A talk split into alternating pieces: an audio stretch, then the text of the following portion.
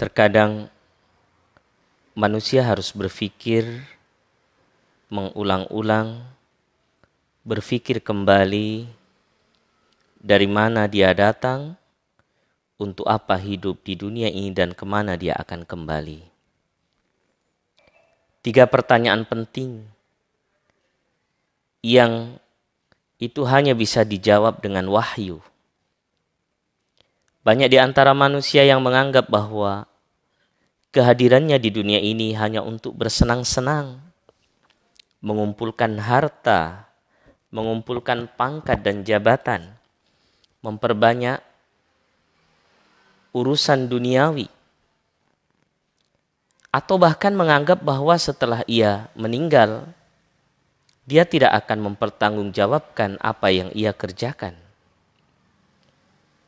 Maka wajarlah ketika seseorang menyadar berpikir seperti itu, kemudian melakukan apa saja yang ia inginkan tanpa mengenal halal haram.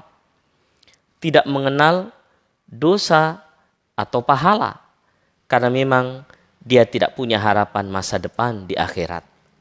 Sementara orang yang beriman dia berbuat baik di dunia, meninggalkan yang dosa dan berharap surga di sisi Allah Subhanahu wa taala di akhirat kelak. Kehidupan yang abadi selama-lamanya.